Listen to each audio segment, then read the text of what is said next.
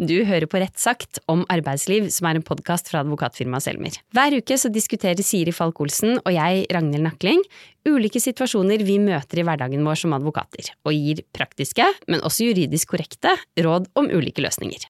I første episode av denne podkasten så snakket vi en god del om de endringene som kommer nå i 2024 på arbeidsrettsfeltet. Og i dag så skal vi snakke mer om en av de, nemlig de nye reglene for nedbemanning i konsern og utvidet arbeidsgiveransvar i den forbindelse.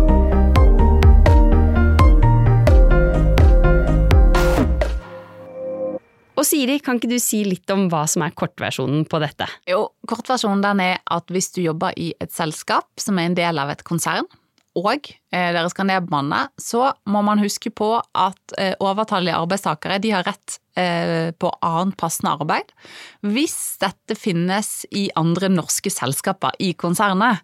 Og så må man også huske at oppsagte ansatte de har fortrinnsrett til eventuelle nye stillinger eh, som hen er kvalifisert for. I igjen andre norske selskaper i konsernet. Ok, vi gir praktiske råd, sier vi jo. Var det den enkleste kortversjonen du klarte å få til? Ja, dessverre ja.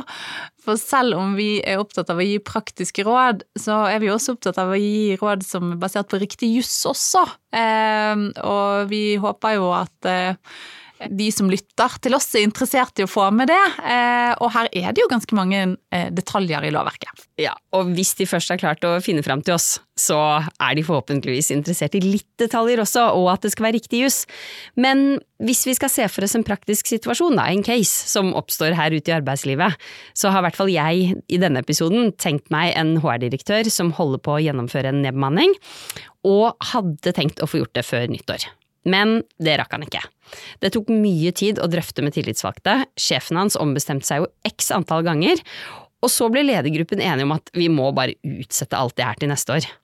Men nå så angrer jo denne HR-direktøren litt, da, fordi at de har noen søsterselskaper, de har hørt mye om de nye reglene for nedbemanning i konsern, og om dette ikke var nok, så må han jo nå finne ut eh, egentlig er vi omfattet av de nye reglene, og hva går de her ut på? Hva sier du til han da, Siri? Det første som han må finne ut av, det er om, om selskapet er en del eh, av et konsern. Eh, og da må man slå opp i arbeidsmiljølovens paragraf 8-4, og det er fjerde ledd. Eh, og det er en helt ny bestemmelse. Og så sier du ledd? Ja, fjerde avsnitt, mm. kan vi vel si. Og der står svaret, mm, og der står det at med konsern så mener man etter den bestemmelsen eh, et eh, morforetak eller ett eller flere datterforetak. Og så står det videre at et selskap det er morforetak hvis det på grunn av avtale eller gjennom eierskap har bestemmende innflytelse over et annet foretak. Mye foretak. Veldig mye foretak.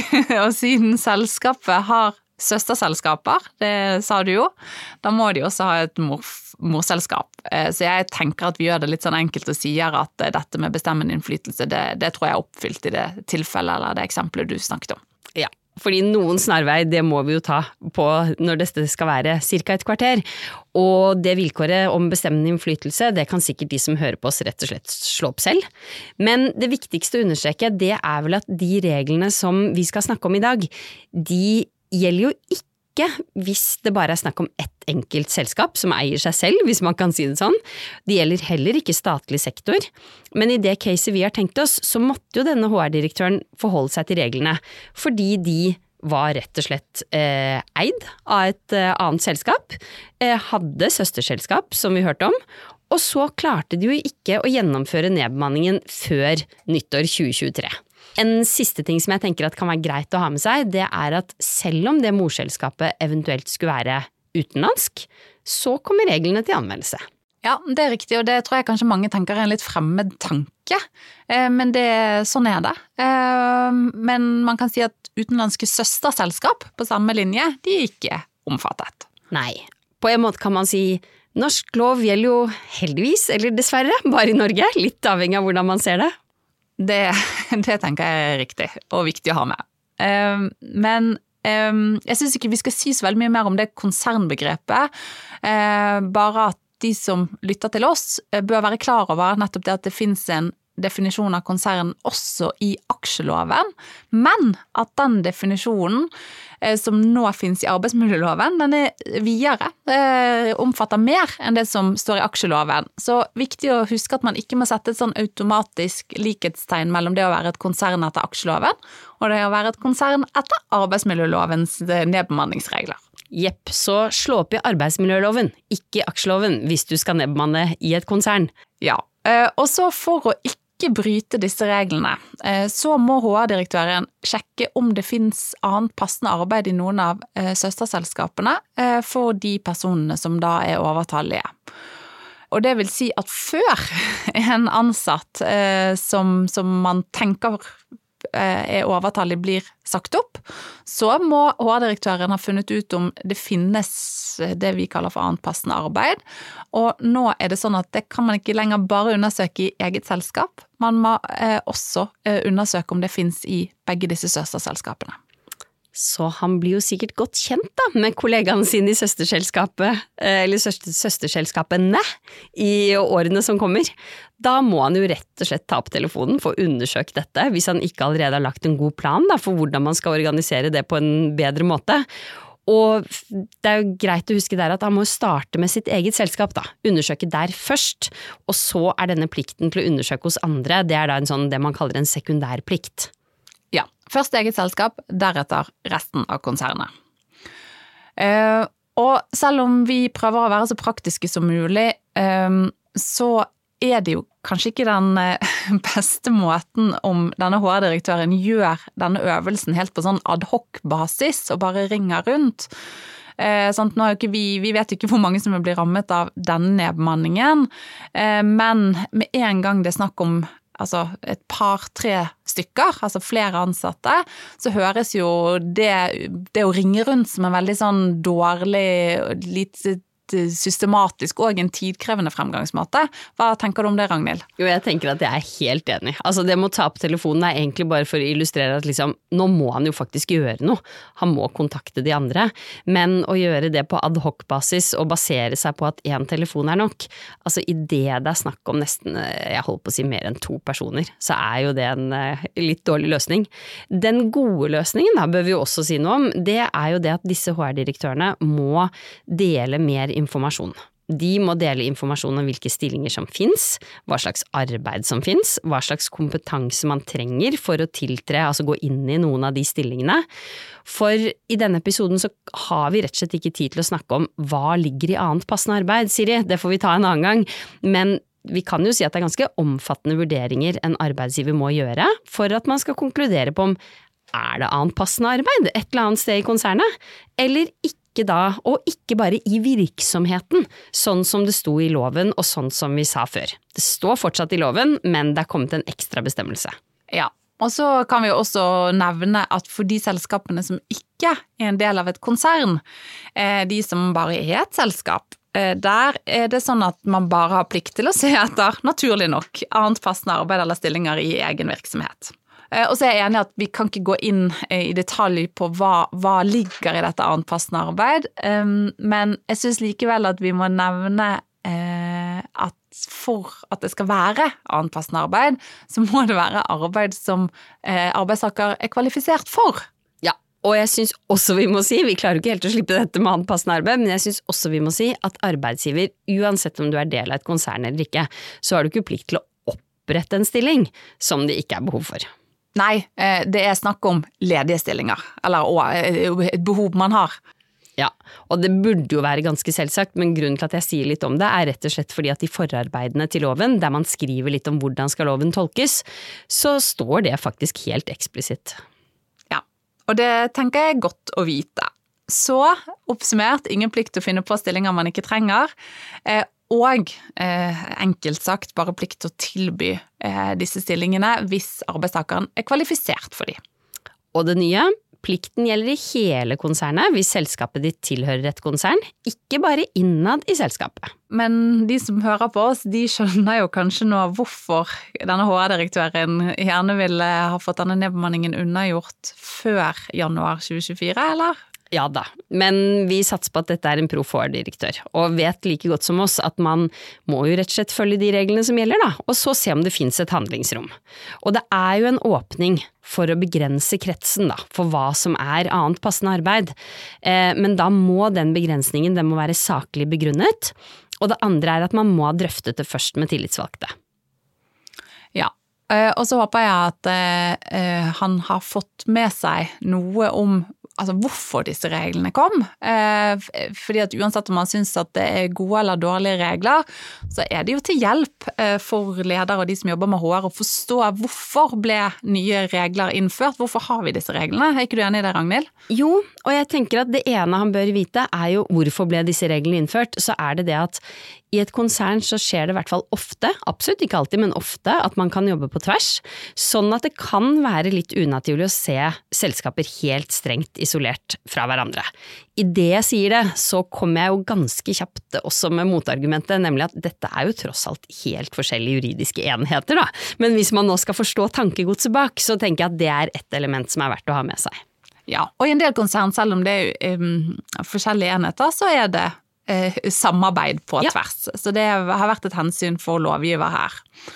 Uh, og så er det for det andre uh, så er det jo ikke alltid sånn, og jeg tenker kanskje dette er viktigere, men at det ikke alltid er sånn at det er ledelsen i det enkelte selskapet i et konsern altså, som tar beslutninger som direkte eller indirekte fører til en nedbemanning, eh, men at den beslutningen faktisk reelt sett tas et annet sted enn hvor nedbemanningen treffer.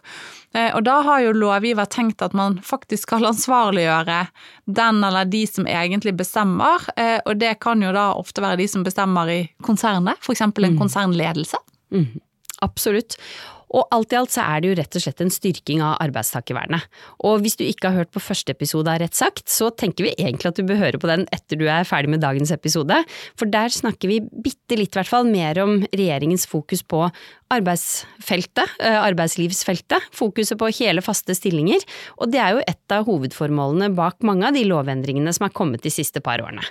Og disse reglene som vi snakker om i dag, utvidet arbeidsgiveransvar i konsern, de føyer seg inn i dette. Enig. Også fortrinnsretten, eh, den må vi jo også si noe om i denne episoden. Og på samme måte som at denne retten til annet passende arbeid er blitt gjort til å gjelde hele konsernet, så har man jo før bare hatt fortrinnsrett i virksomheten, men nå har man da fått en fortrinnsrett som gjelder hele konsernet. Det har man, og hva er denne fortrinnsretten, Siri? Altså, det er jo en rett til å få en ny jobb hvis man er sagt opp. Um, og den gjelder jo bare, viktig å ha med seg, gjelder bare hvis uh, man har vært ansatt i minst tolv måneder i løpet av de siste to årene, og så gjelder den fram til det har gått ett år eh, siden arbeidsforholdet opphørte. Og det er viktig å huske at det er da fra oppsigelsestidens utløp. Mm.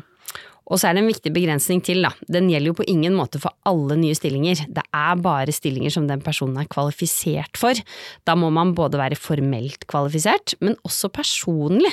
Så det er jo begge forutsetninger som skal være på plass. Og mm, i loven før så sto det at man måtte være skikket, eller skikkethet, da. Det vet ikke jeg om det peker i hvert fall litt bedre på personlige kvalifikasjoner, men uh... Ja, men det betyr jo at selv om det lyste ut en stilling eh, som den oppsagte arbeidstakeren selv mener at hen er kvalifisert for, så er ikke det, så er ikke det gitt at man har fortrinnsrett. Nei, for her kommer det jo an på hvor mye vet arbeidstakeren om hva som egentlig kreves i stillingen, og kanskje også hvor godt evner denne arbeidstakeren å kjenne seg selv og vite, ja, ha litt selvinnsikt, da. Det er viktig å si at det selv om man da, ja du må være kvalifisert, ja det gjelder både formelle og personlige krav, men det er ikke sånn at du må være overkvalifisert. Det er nok å være god nok. Det å kunne gjennomføre jobben på en helt normal eller gjennomsnittlig måte, da er man kvalifisert, og da har man i utgangspunktet fortrinnsrett. Ja, og det betyr jo igjen at det at arbeidsgiver skulle ønske seg noen som, som presterte bedre, det er ikke nok for å avvise fortrinnsrett. Det er det ikke. Um, og det HR-direktøren da må huske på, som er viktig, det er jo at oppsigelsesbrevene eh, de må endres. Eh, det er en viktig del av disse nye lovendringene. Mm -hmm. Fordi at man har da en plikt i selve oppsigelsen å opplyse om at fortrinnsretten den gjelder i hele konsernet. Og så må man ha en liste over ja, hvem som omfattes.